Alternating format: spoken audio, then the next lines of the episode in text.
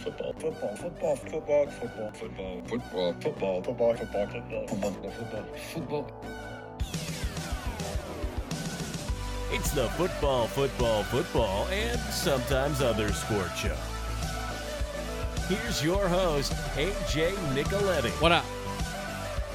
FFFSOSS.com at FFFSOSS. Twitter, Instagram, twitch.tv slash AJNick3. I don't know if I'm doing a Championship Sunday stream. Possibly. If I don't go watch the game with some of my friends that Liverpool fans, I probably will do a Championship Sunday stream for Liverpool Wolves and then have City and Villa on another screen, I guess. Maybe I'll do that. Maybe. Then again, I don't know if my computer can handle all that while we're streaming. So, then again, no. Um, so I'll figure that out. Maybe, possibly a championship Sunday stream. Possibly. I'm not gonna, you know, um, guarantee anything. But anyway, on the program today, we got a PGA Championship preview, a full preview in the kickoff where we'll talk about the past five winners, the history at Southern Hills Country Club in Tulsa, Ari- uh, Tulsa, Arizona, Tulsa, Oklahoma. Um, go through the course, go through the weather, the storylines, the odds. I'll give you some picks, what I'm playing um, for the tournament. Then we'll do some soccer. Look back at the midweek. Look ahead to three Thursday games in the EPL and then championship Sunday. The Scudetto race is still on with the game to play in Italy, but every other league has been decided. Bundesliga is done. So a couple of league games, a couple of league games. Then just a few NFL headlines. Then we'll touch on the NBA playoffs, Stanley Cup playoffs, and a quick look at the Preakness Stakes with only a nine horse field and Rich Strike, the Derby long shot champ, not running. So we'll do a PGA Championship preview the kickoff, Premier League Championship Sunday weekend soccer preview, NFL headlines, NBA playoffs, Stanley Cup playoffs, Preakness Stakes, and more. Kickoff PGA. It's the PGA Championship preview, our second major of the golf season. Scottie Scheffler took home the green jacket in April at Augusta, and now we turn to Southern Hills in Tulsa, Oklahoma for the second, the PGA Championship. Moved to Southern Hills from Trump National Bedminster in New Jersey. I'm not going to really comment on that. You know, I don't really like to do politics. Last five winners. 2021, Phil Mickelson, six under at Kiawah Island. It was a mob scene in the Carolinas for Phil that weekend. 2020, the famous eagle by Collin Morikawa for him to take the lead and take charge at TPC Harding Park in California. 2019, 2018, Brooks Koepka. First, it was 16 under at Bellerive just outside St. Louis, and then 2019 on Long Island, 8 under at Bethpage Black in 2017. A Justin Thomas Matsuyama showdown on Sunday let Justin Thomas lift the Wanamaker at 8 under at Quail Hollow. So those are the scores and the winners of our last five PGA Championships. Let's talk a little more Southern Hills, the history at Southern Hills. And it's hosted a lot of major championships, this being the eighth this week and weekend. It all started in 1958. The U.S. Open, Tommy Bolt won it uh, with a score of three over par. Then in 1970, the PGA came to town. Doc, Dave Stockton took home the championship at one under. 77, it was the U.S. Open's turn again. Hubert Green was two under at Southern Hills. 82, PGA's back. Raymond Floyd wins it at 8 under. 94, PGA again. Nick Price, the South African, 11 under for Nick Price in the high, um, the lowest score to par, I should say, the best score to par at any of these championships. 2001, the U.S. Open was back. Retief Goosen had a, a group of players with him, tied at four under, went to the playoff. Goosen came out and won it. And then 2007, the PGA played 7,100 yards. Tiger Woods wins it at eight under. He tied the low round in major championship history of a 63. He should have had a 62. Uh, how the ball didn't go in on 18 for him, he still doesn't know to this day. So, eight major championships at Southern Hills. It's the only course to host four PGA championships, now a fifth already for Southern Hills. Found this stat. Um, in the Fore Play podcast. So shout out Fore Play. 33 players in seven majors have finished under par. Isn't that out? That's amazing. Only 33 players in seven majors have finished under par at Southern Hills. And another interesting stat this I saw from like the CBS packet. Whoever held the 36 hole lead has won each major at Southern Hills. So, what do we call it? A tournament on Friday night? Does that streak end? Uh, how much pressure will that player know? Because, you know, 2007, in terms of the media, is still a long time ago. In the sense of technology and accessibility and, you know, the people at these tournaments and the media and all this kind of stuff. So, two really, really interesting stats there. 33 play only 33 players in seven majors at the history of the course are under par. And then whoever held the 36 hole lead, the lead on Friday night, has won each of the majors. Three US Opens and the four PGAs. Now the fifth PGA, the eighth uh, major championship at Southern Hills. The course plays a par 70 with uh, tournaments 7,500 yards, 75, uh, 56 to be exact. It's a 35 35 going out and coming in.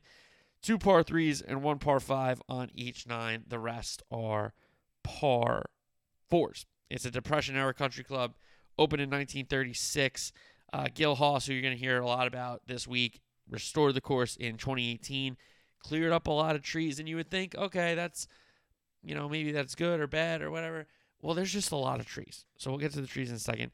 They roughed up the bunkers a little bit. They rolled down the edges of the greens. There's undulations. There's, you know, there are hills. It's called Southern Hills for a reason. It, it is kind of Augusta like in that sense with um, the idea of where you have to be, where you have to play from, if you're going to miss, where you miss, missing in the right spot, hitting the ball in the right spot, even when you're not trying to be aggressive, all that kind of thing it is kind of Augusta like, and the undulations certainly remind a lot of people of uh, the Masters. So, bunkers, creeks, and trees galore on this golf course. It seemed I, I watched a couple um, flyovers. I've listened to a lot of talk uh, Monday, Tuesday, Wednesday about Southern Hills. It seems like every landing zone off the tee is either guarded by a, a creek, you have to shape it around trees, or there are bunkers right in your landing area and then by the greens. If you're not perfect, it's going to run off. If it runs off a green, there could be a creek there. You know, there could be some tree trouble, right? There's a I don't think there's a green without a greenside bunker on the course. So there are bunkers everywhere.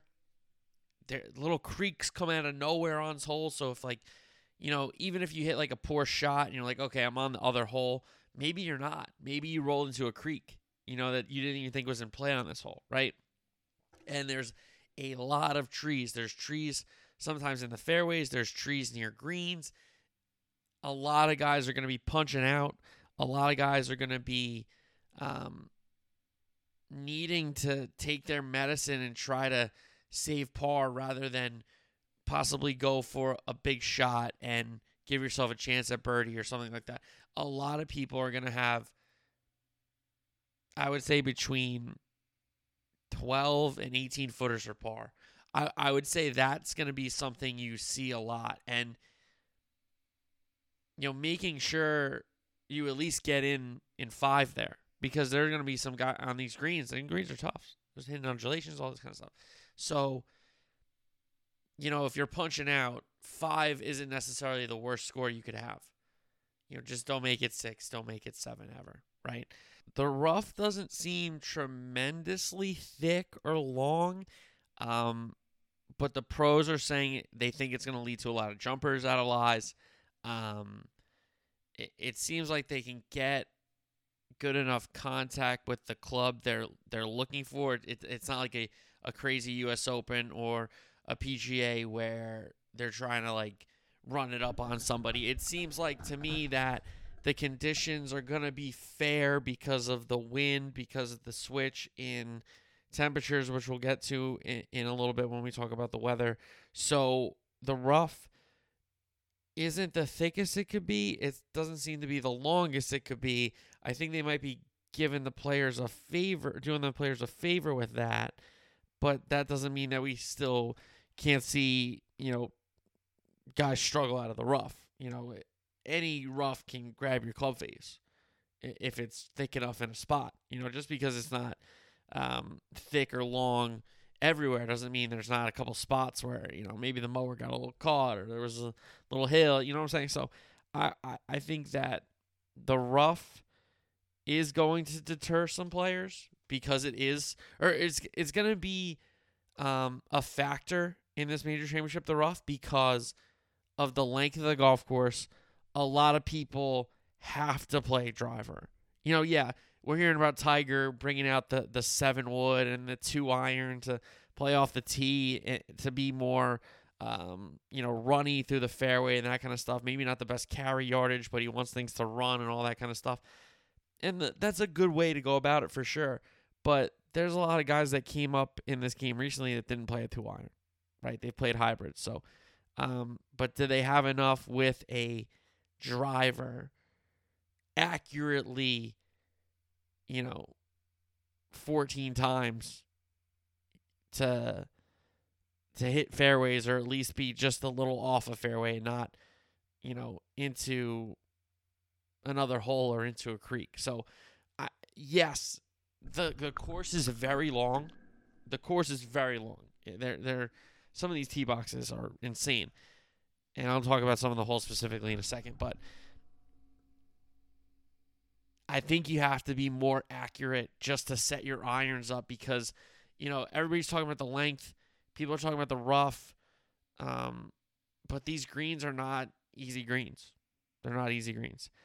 All right, so the par fives. There's only two of them and they're both playing over 630 yards. So it doesn't seem like there's going to be a ton of eagle opportunities at least uh, unless somebody has two excellent shots in, like absolutely perfect driver, absolutely perfect three wood or whatever wood you're going to hit into that because unless that thing is significantly downwind, that's a three shot par 5 and that's going to be about players being able to commit to layups, and then what number is their favorite to try to hit it close and give themselves a birdie opportunity. That's what's going to tell the story on these par fives. Because, you know, yes, the shape and the look of this course might be Augusta like, but you know you can score on the par fives at Augusta. And sometimes they're going to be eagles, but a lot of times you might have a kick of birdies or you might have a good shot at birdie because you laid up the right way on 13 or 15, whatever. But you know, two and eight, you see a lot of people go for those. Thirteen, you see a lot of people go for. Fifteen, even you see a lot of people go for. it. So here at Southern Hills, only two par fives, and they're both playing very, very, very long. Um, seven of the twelve par fours are over 450 yards. So it won't just be a driver wedge show. It could be, you know, two iron, six iron, you know, it could be two iron, four iron. It could be, you know, driver seven iron. You know, it's it doesn't seem like it's going to be a driver wedge show even for the long hitters. So seven out of twelve uh, par fours. Well, then again, if you're hitting it, you know, three twenty, you have one thirty in, you probably have a wedge in your hand, to say the least. All right, and then with the par threes, three of the four par threes are over two hundred ten plus yards. So you're gonna have to see some hybrids into these par threes. You know, I could see a lot of guys playing those as fours, short fours, and if they, you know, get a birdie on their card, it's not a bad hole. If they get four, it's not the worst thing in the world. Because you never want to make fives on par threes. But some of these are really, really tough to go for and, and try to hit excess like pins. So the par threes are going to be really interesting to watch. I say if you're, you know, around even par, a little less on a par threes, you got a big chance. You know, if you're under par on the par fives, you got a really good shot. Interesting area around 13 and 16. The greens are mowed together, so there's like a collection area between both greens where it's not like rough in between the holes. It's like uh, fairway. So, uh, very interesting. little section of the golf course there. And the 13th is the long par five on the back nine. And the 13th tee shot, you make a putt at the 12th green, and then you're sh- hitting over the 12th green. It is kind of weird. I don't think I've ever seen a hole like that where they've added tournament tees because you you come off 12 and I think you make a right hand turn to go to 13 and play the part the long par five, but they needed to make it longer. So they said, well, we can't move 12 green. Let's just put tees behind it to the side of it, I guess. So that's going to be a really cool shot. Um, and I don't think people are going to be getting home in two on, or who knows? Are they going to have to wait? Is that going to be a backup? Going to be interesting. Um, 17 isn't one of those tremendously long par fours. And the PGA, we've heard whispers. I was listening to some podcasts, I was reading some previews, and it seems like everybody's got the same information that they might make 17 drivable a couple days. You know, not just one day, not just like a Saturday. They might make it the majority, like three or four times, a drivable 17th hole, which could make a finish really, really exciting especially when your par fives aren't really eagleable. And then 18, not a par five, but an absolute beast of a hole to come into and finish. It finishes four par fours in a row. Um, that par five is kind of early-ish on that second nine. So that's the course. How about the weather? The players are prepping for four different wind directions in four days. Um, and you can kind of see how it changes a little bit, but we're not exactly sure how it's going to change um 100%, but these are the weather um, updates that I saw and kind of took from a couple different sources and put it together, I guess you say. Thursday, the high of 92, the low of 75, partly cloudy, the south wind 17 miles an hour. Friday, still kind of hot, 81, but the low is 61, so you feel the weather drop. I think it's going to start dropping late afternoon, so there could be some some groups still on the golf course um, late where you know bring out the hoodies. You know, um, isolated thunderstorms. So hopefully we still get Friday done, and the wind is south southwest. So a little bit, you know, not directly out of the south anymore. Now coming out of the southwest. So certainly a little direction change there. Not as substantial as we'll see on the weekend, but certainly a change from Thursday to Friday. Saturday, those isolated thunderstorms possibly continue. The high drops all the way to 63, the lowest 49. North northeast wind, 14 miles an hour, they're expecting. Also, Friday's wind is 18 miles an hour, so that could be really high. And then Sunday, it'll clear out. High of 72, low of 54. Beautiful golf weather, mostly sunny. East northeast wind, 11 miles per hour. So, you know, it seems like the forecast for four different winds is correct. And yes, the degrees the first two days are kind of similar, but then it drops and then it's kind of a mild Sunday. Like the weather changes here are going to be really interesting. If we get a delay in play on Friday or Saturday and somebody's got to play 36 holes or something like that, that could be certainly interesting.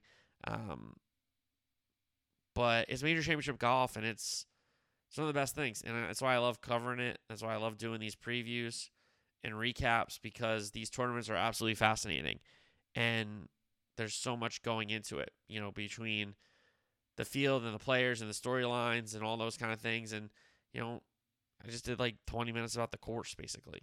You know, so and the history of the course and the weather. So now, with all that done, we can start to get into storylines. And first up here, no defending champ Phil Mickelson. Um, maybe one of his crowning moments, best achievements ever, winning that PGA at Kiawah, and then you know next year he's persona persona non grata. You know, he's like, hey, don't talk about Phil. You know, and he put it on himself. There's no doubt about it. That quote is horrendous. And what he did, and he's just clearly about money, and that's okay. but don't you know? Don't act like you're you love these championships because you don't. Because it's all about money for you because you sold it out. Anyway, so no defending champ Phil. You can't make it. You know. And I told you. I told you when they announced that he wasn't going to play for a little bit. He's suspended. 100%. The tour does not announce suspensions. He's suspended. End of story. So, no defending champ Phil. Now we go to Tiger Woods, who looks much stronger than his Augusta cameo earlier this year, where he made the cut and then on the weekend struggled with the temperature going down and really his body wearing down after, you know, the prep work and the recovery work and the resting work and all that kind of stuff. But he looks much stronger. He's at a place where he's previously won. He went out there a couple weeks early. Went with the golf director on the on the bag. So he's got history there. His game with the two iron and the strategy, you know, he's thinking about it. He seems to be much healthier. He seems to be much stronger. And again, he's not really worried about the golf. He's worried about, you know, walking these courses, which I think tells you something about his game. I think he thinks he can win again. I think he thinks he can contend. I think he thinks that he's still got it enough to go out there and compete for four rounds and give him a give himself a chance to win a major championship. Something he's done so many times and something he has the second most experience in doing besides Jack. So, I mean, Tiger is going to have this career, if he can stay healthy, of he's going to pop up for the big championships. And is he going to play well for four enough days to compete with all the basically the generation he inspired? And it's going to be fascinating until he quits golf.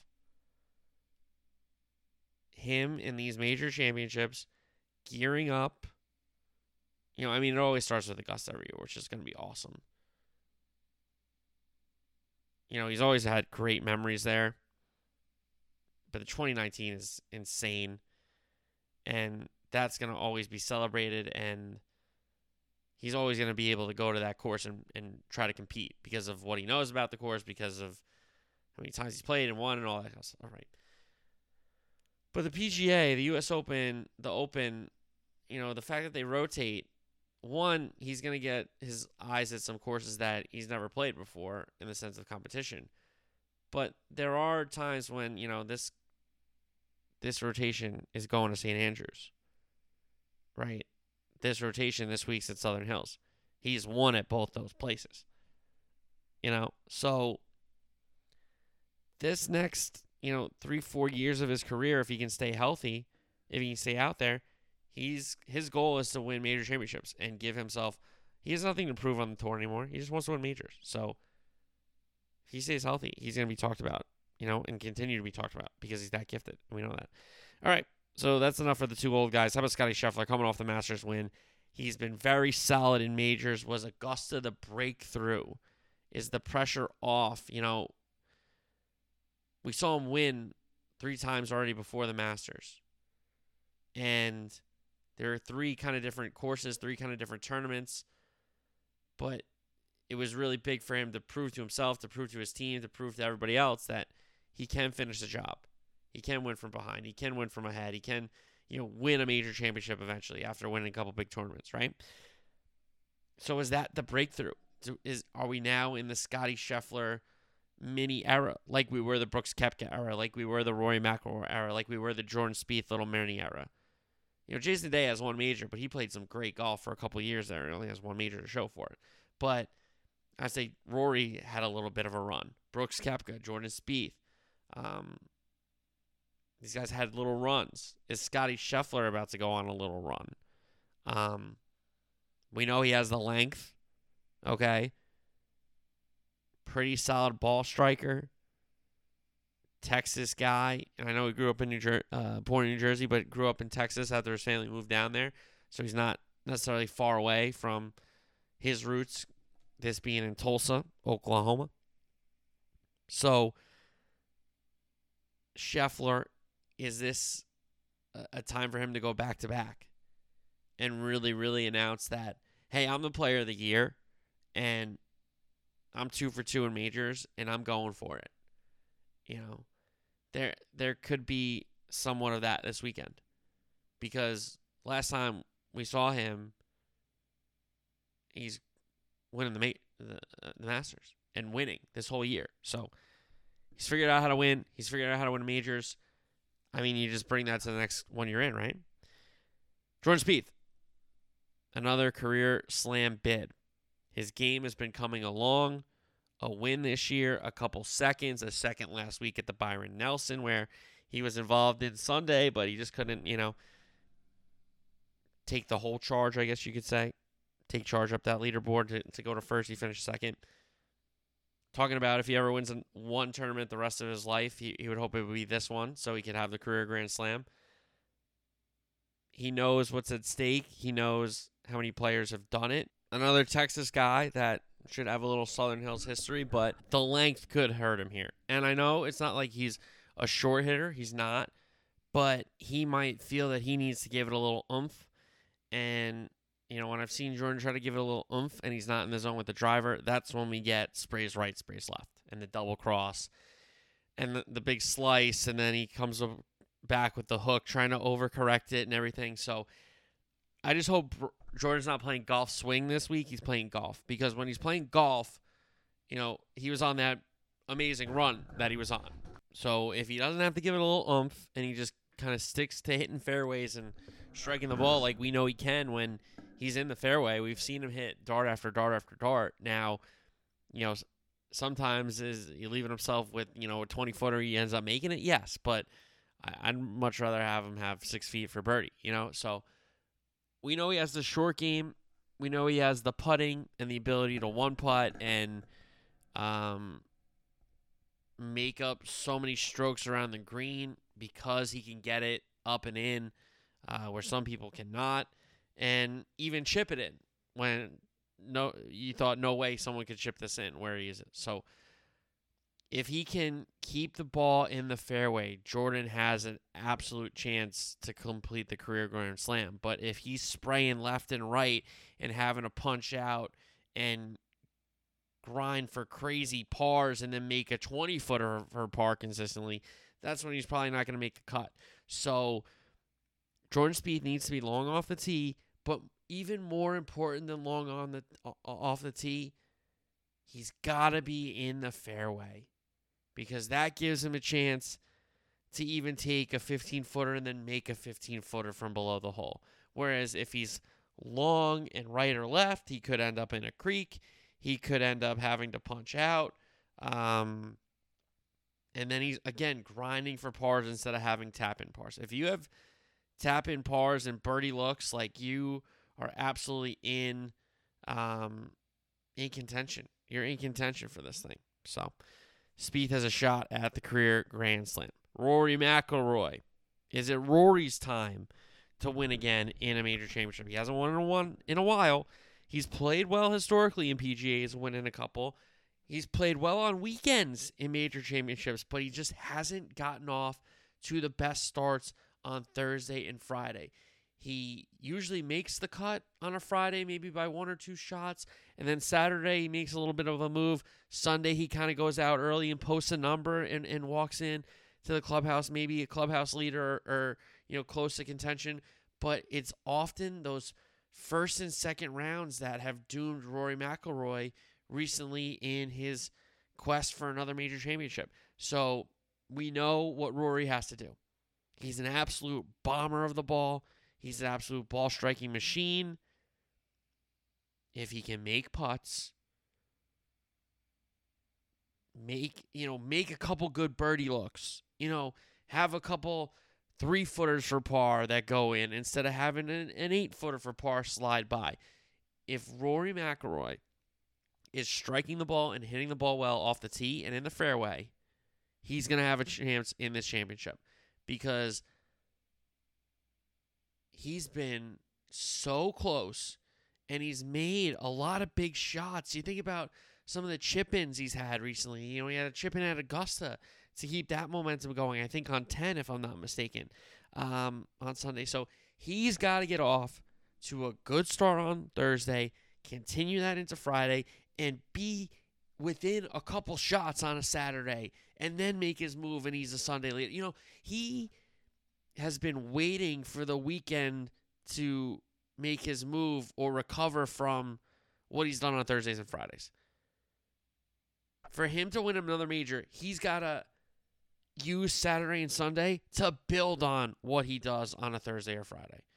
So we know how good he is. We know how long he is off the tee. The length shouldn't be an issue here. He's a great driver of the golf ball. If he's accurate, he's going to be a big, big time player this weekend. Big, big time player this weekend. Collin Morikawa and JT, both recent PGA champions. JT a little more um, in the past. Morikawa more on the uh, tip of your brain there. Um, you're, you're, more recent. They're both vying for their second Wanamaker. Morikawa, this could be an absolute chance for him. Um, again, not the not the longest off the tee, but an excellent ball striker. And he is, you know, he's not short. You know, he's not short, but he's a hell of an iron player. And we've seen him hit some really good long irons. And you're going to need your long irons this week with the length, even with some of these guys hitting driver and, and driver consistently and putting it in the fairway. JT is a bomber.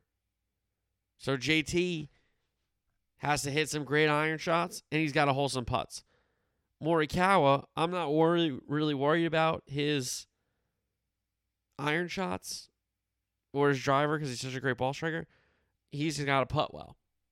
So two guys, kind of similar games. I'd say Morikawa is a better ball striker, especially a better iron player. Morikawa might be the best iron player on the tour right now, in my opinion. Um, but JT's got a little bit better length and they're both looking for the flat stick to get hot. They're very kind of similar players in that sense. I'd say, you know, I'd give the nod to the T to JT. I'd give the ball with your irons the nod to Collin, and then putting is like 50 50. Whoever gets hotter with the flat stick. Jon Rahm, looking for his second major. In another tournament where we've gone through a lot of names without getting to Jon Rahm, who is a co favorite, you know? So I think he's a great player. I think his game sets up here. If he can be consistent, um, the hot headedness has certainly seemed to calm down. It looks like he's more grounded. You know, again, perspective. We, we have the perspective thing with Rory and Max Homa, but we could have a little perspective going on in Jon Rahm with what he's won and, and you know, his family, young family there. So Rahm's looking for a second major. He's got the length. He's a pretty good iron player, and we've seen, you know, the last couple years him here with him, he can roll him in, and he's a very emotional player. He's got a little Seve in him. Um, he's got a little Sergio in him. He's got a little Mickelson in him because the ASU connection. So he is one of these guys that is a, a little bit of a um, he's he's an emotional player and sometimes that's really good. Other times it's not really good, you know, when you're breaking clubs. But if you can kind of ground yourself, you got a chance. So Jon Rahm absolutely has the game to win his second major here. DJ, driver could carry him. Uh, DJ is the longest, I'd say, most consistent guy on the tour when it comes to you know length and driver distance the last 10 years or whatever it's always kind of been dj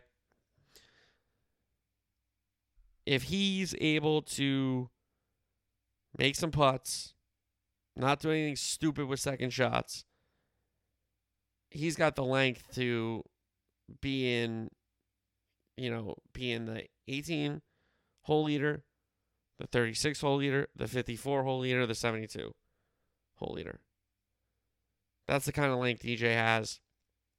And, you know, if he is playing his irons well and putting, he's a, he's a different player than if he's kind of struggling with those things because then he's just the guy that can whack the ball long. But when he's hitting good irons and when he's his short game has come along and his putting's there, he's almost a cheat code, right? So DJ's driver could absolutely carry him to another major championship this week. Brooks Koepka's buddy, lifting buddies. Brooks has dominated and dominated the PGA for a stretch. Um, an outstanding golfer, has the length. We've seen him hit dart after dart after dart when he's in form with long irons, you know, with woods, with wedges. It doesn't matter. He's a ball striker's ball striker when he's on, like Collin kind of. And when he gets the flat stick going, he can really roll him in. And he's got the confidence. He's won this championship twice. He's a heck of a player. And if he's got his body right, if he's got his game right, you know, he's right where he wants to be then. Because this is a major championship that he can certainly, certainly win. Bryson DeChambeau is withdrawn. Uh, was going to give it a go five weeks after hand surgery, which was insane. I mean, he shouldn't even have ramped it up. He shouldn't have been hitting balls. I mean, his goal should have been the Opens this year after that hand surgery. He rushed it back to the PGA. Now he he um, jeopardizes himself for the rest of the season, if if in my opinion. So Bryson withdraws, citing the hand injury. Again, five weeks after surgery, he tried to tee it up for a major championship. And that's not going to get done. Matsuyama, great swing, but does he have the power to get his second major? We've seen him compete in PGAs before. The duel with Justin Thomas um, at Quail Hollow, most famously before Matsuyama got his green jacket, got his major championship. Again, he's got a great swing, but does he have the power? Pretty good ball striker. Not a bad putter but the power does worry me. Jason Day, a former PGA champ. We'll get to some other ones next, but is Jason Day healthy enough to win again? You know, a lot of personal demons with his youth. Um, a lot of issues with, I believe his mom uh, passed away recently. Um, and a guy who's had the vertigo stuff, had the back stuff. You know, he's just had a lot of injuries that and issues that really hurt you and you know linger and and stick around and you know nag you even if they're not hurting it's always like an issue like i'm sure like vertigo isn't painful i don't know i've never had it but like there's probably an anxiety of it could happen at any moment again right so jason day is his mind right is his body right is his game right can he win again we know when he's got it going, he's got great length. He's a great ball striker, and he rolls it in with that spider putter. So, some other PGA Championships uh, champions. How about Keegan Bradley, who's really shown up recently and played well? Uh, dueled Max Homa um, for the Wells Fargo there, and had a good round with with him. And he's also been in some other tournaments, competing and playing well. Keegan. So, Keegan Jason Dufner, Keegan famously won his Wanamaker over Jason Dufner in a playoff. Dufner won his Wanamaker uh, season later, two seasons later. So those are the other PGA champs. How about some winners on the tour looking for their first major? And this is, you know, an interesting category because these guys are in the same category for this preview, but they're not at the same points in their career. You know, Max Homa's had a really good year. And if he ever got a major to cap it off, that would be sick. But he's not in a spot that a Pat Cantlay, a Tony Finau, a Xander is for me. You know? Daniel Berger has a good game. I just don't see him being a major champion. Cam Smith, you know, so I'd say Cam Smith, Xander, Cantlay, Finau are on one level here. Then Homa, Hovland, then Berger. That's how I kind of ranked these guys that have won but haven't won a major. The Xander, Cam Smith, Cantlay Finau four out of the seven. Those guys have had some opportunities and either got it taken away from them or they just didn't do enough on a Sunday. You know, at some point here, Xander Schauffele's got to get over the line, not first for a gold medal. Cam Smith, who's played some outstanding golf, specifically at Augusta National, does he have can his game translate? I think it can to here. So he's certainly a name that you got to look out for. Cantlay, Finau, an, an interesting twosome. Both winners, both guys that have won playoff events. So they've won big events, but they haven't won their major yet. Homa has been great this season. Um, him get some top 20, some top 10s in majors, that's his next step. I don't think he's, you know, is he ready to win? Has he shown his ability to win? Sure. Definitely. But it's a really loaded field. Really loaded field. And then Berger is a guy that I don't think he can win. Hovland, a guy that certainly can win, has the game, but he can spray it all over the place, and he's withdrawn in some majors. Then we have the Brits, the UK guys. Justin Rose, who didn't really play well at Augusta, and that kind of shocked me. He he does show up for the majors, so I expect a better showing from Justin Rose. Tommy Fleetwood's an interesting guy. Some power for Tommy. Pretty good iron player. Pretty good putter. Matthew Fitzpatrick, not the longest guy, but very accurate. You know, if he's in the fairways, giving himself opportunities with irons rather than punching out, I guess like Fitzpatrick to be a uh, contender here. Shane Lowry, Tyrrell Hatton, good games, good players, little inconsistent. Can they find their form for a major? Lowry, um, fantastic major player, as we know, even though he's only got the one. Young Guns, Niemann, Sam Burns, Zalatoris. What do these guys continue to show us as um, their major careers just kind of get going a little bit? All right, odds. Scottie Scheffler and Jon Rahm split favorites at 11 to 1. Second choice, Rory and JT at 14. Then we have Collin at 16 to 1. Dustin Johnson at 18 to 1. And then the group of three at 20 on uh, 21. Spieth, Cam Smith, Patrick Cantlay. Then we go to 22 to 1. It's Viktor Hovland and Xander Schauffele. Hideki Matsuyama 28 to 1. The pair at 30 to 1. Shane Lowry, Will Zalatoris. Koepka 35 to 1. That's an interesting price. Uh, Niemann as well, 35 to 1. Burns and Fitzpatrick, 40. Tiger Woods, Daniel Berger, Corey Conners, Tony Finau, 50. Max Homa, 55. Louis Oosthuizen, 60 to 1, who um, withdrew from the Masters. I think the back was acting up. Hatton, Fleetwood, Jason Day, Cam Young, 65 1. Cam Young's an interesting name getting thrown around because of his length. Keegan, Adam Scott, Abe Ancer, Billy Horschel, 81. Abe Ancer, another guy, OU guy, I'm pretty sure.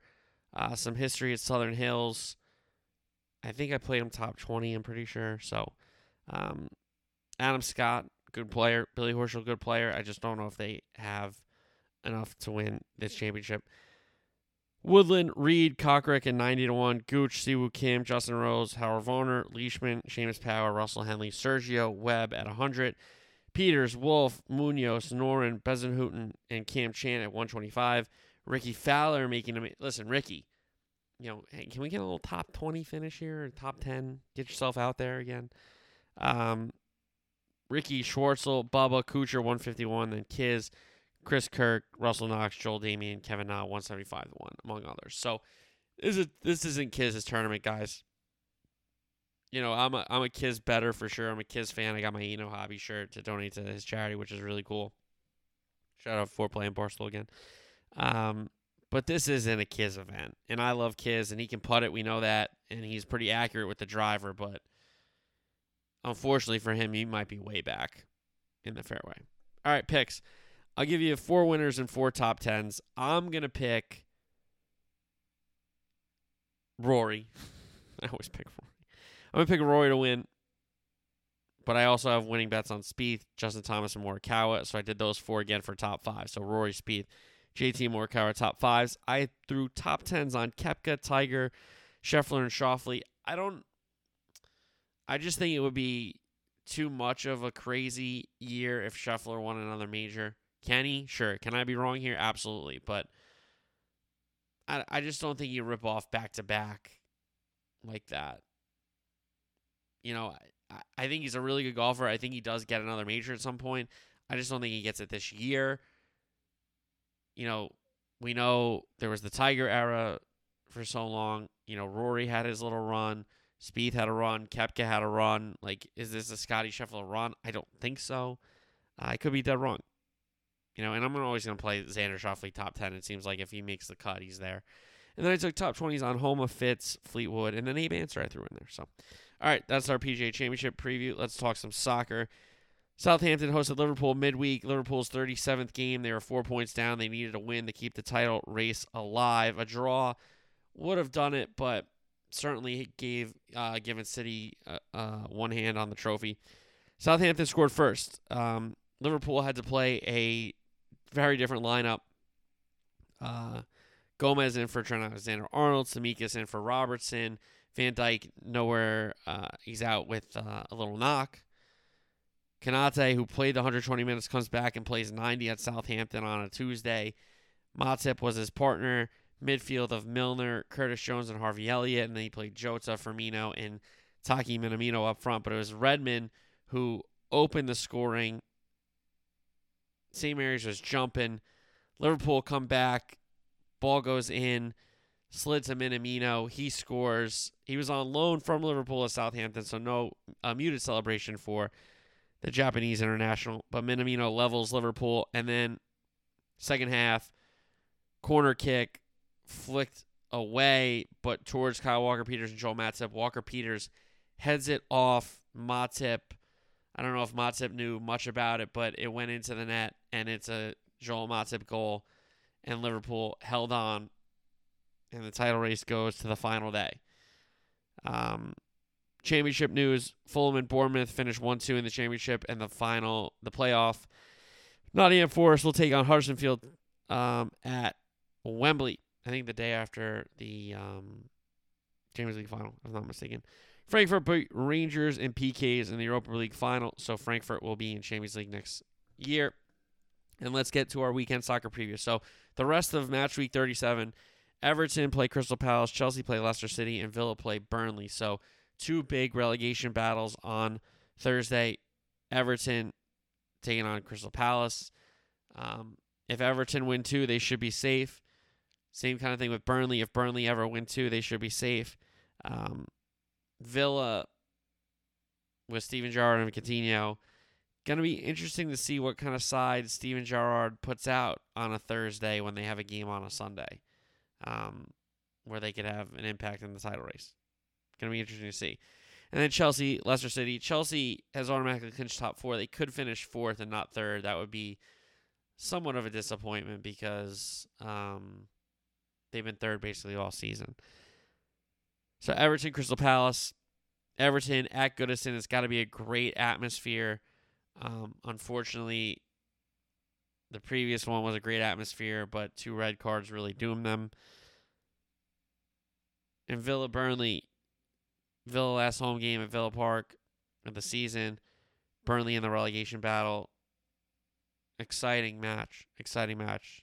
That takes us to Premier League Championship Sunday and we'll go title race top four, and then we'll go relegation, and then the three other games. So the title race, Man City at home against Aston Villa. If City win, they win the league. Simple as that. Um, where they draw or lose, that's when the permutations for Liverpool to win the league come into play. If City win, City win the league, done and dusted. Simple as that. Liverpool home to Wolves. They'll need a result from Aston Villa, either a win or a loss, to give them a chance because if Liverpool do beat Wolves and Villa get a result, Liverpool are crowned Premier League champions, being down 14 points at January 15th, if I'm not mistaken.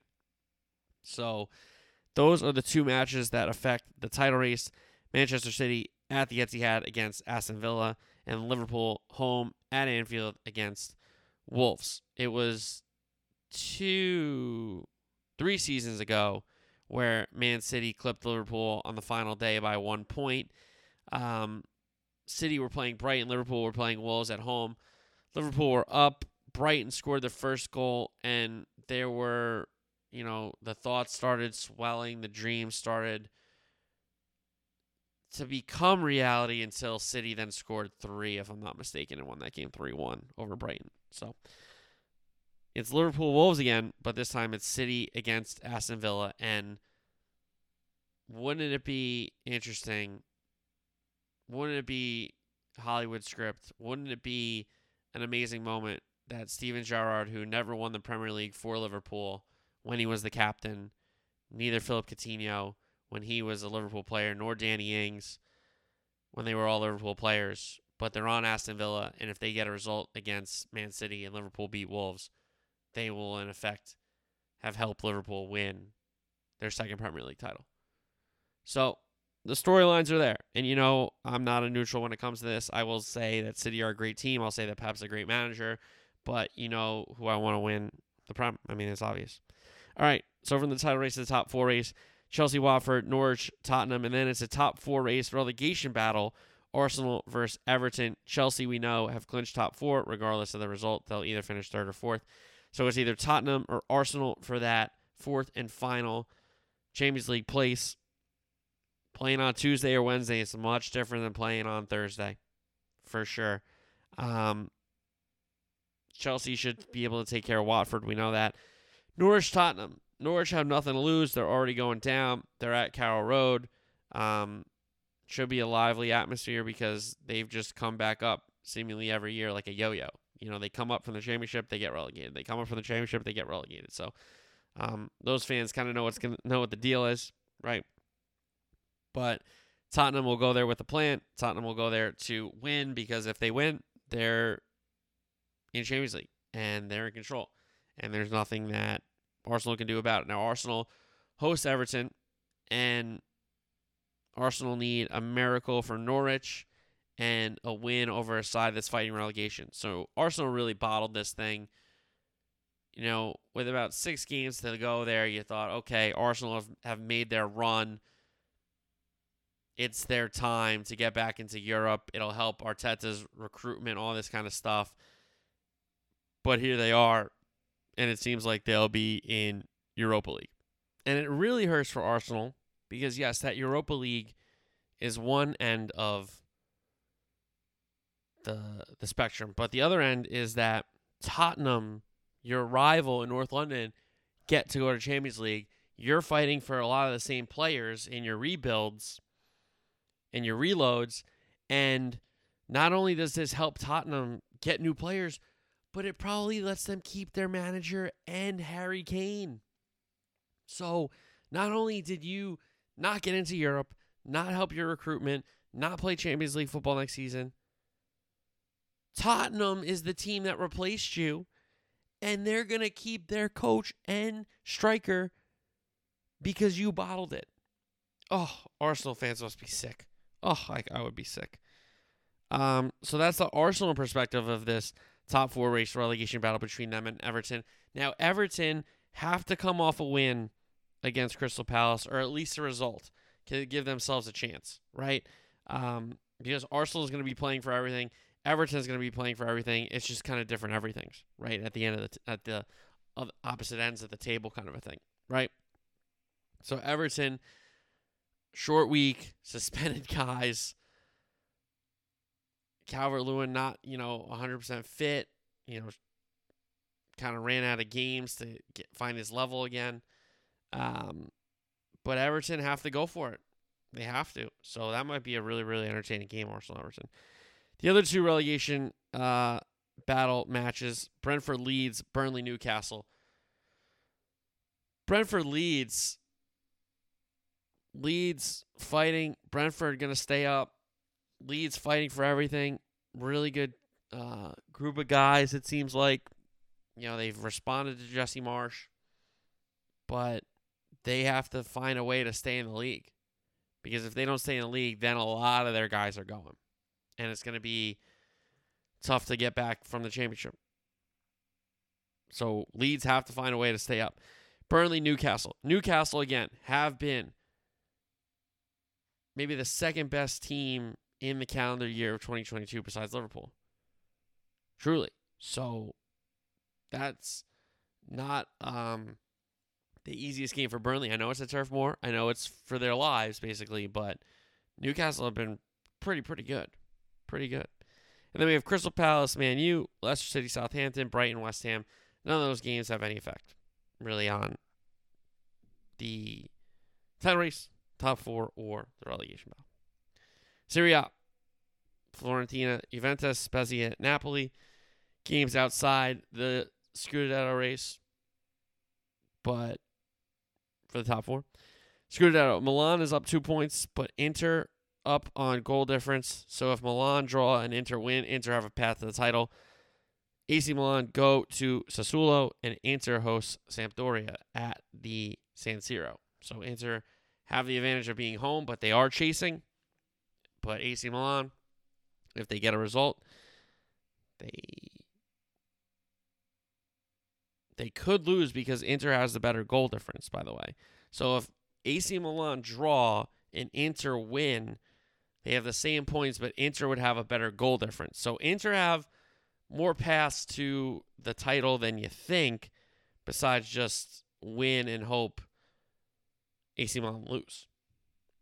So there you go with the Scudetto. La Liga, Real Madrid play Real Betis, Barca play Villarreal, and Real Sociedad play Atletico. PSG's last game of the season, Metz in Ligue 1. Uh, NFL headlines.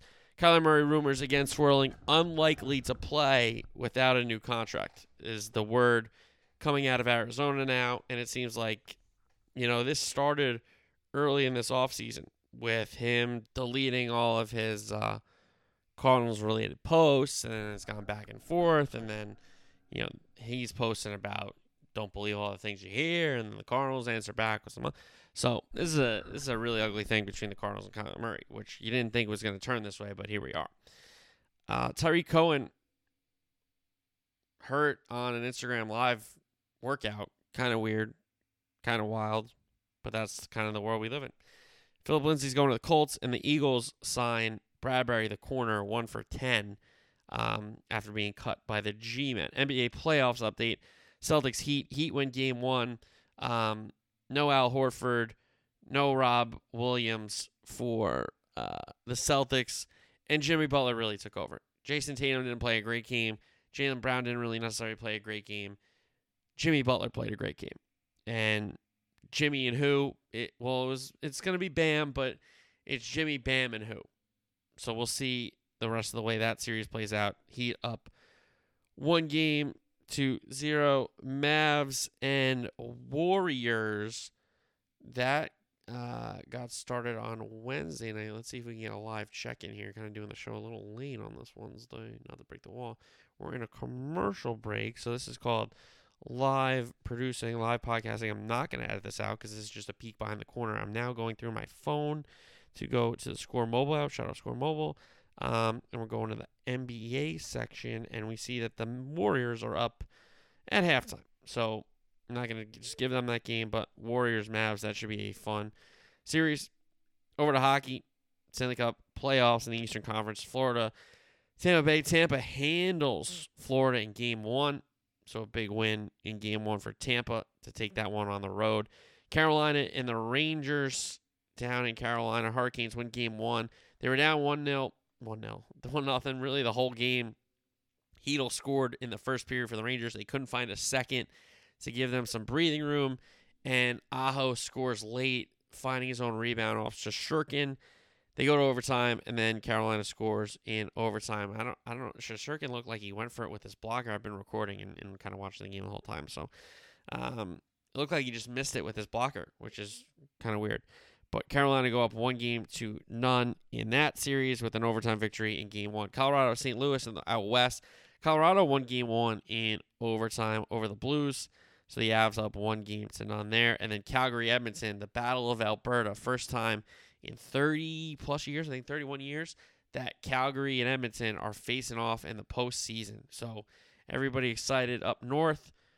This guarantees that a Canadian team will at least be in the conference finals and possibly, you know, a, a road to the cup final. But Calgary and Edmonton game one happening as I record this, and Calgary is up two nothing already in the first period. So there you go there.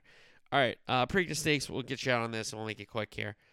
Rich Strike won't run it's only a nine horse field with six new shooters. The three returning from the Derby, Epicenter, who was going to have a great duel down the stretch there, um, finished second thanks to Rich Strike. Simplification finished fourth in the Derby with a horrible trip and just a kind of great job to get fourth there. And then Happy Jack finished 14th, not really a threat here. But the two notable new shooters out of the six Secret Oath is a filly who won the Kentucky Oaks on Friday of Derby weekend.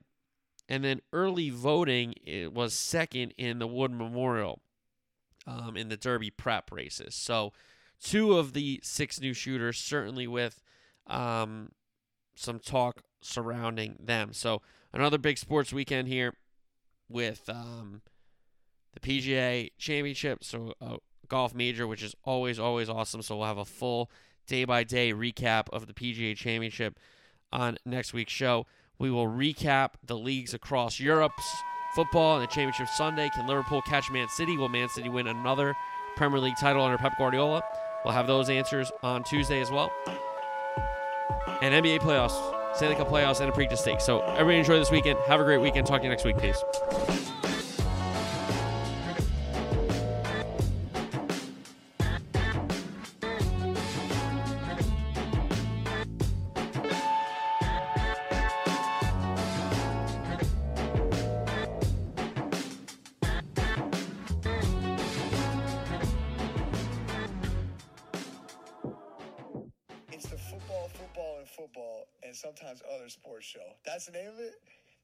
Check out his podcast.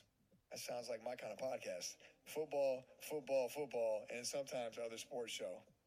Sounds like me.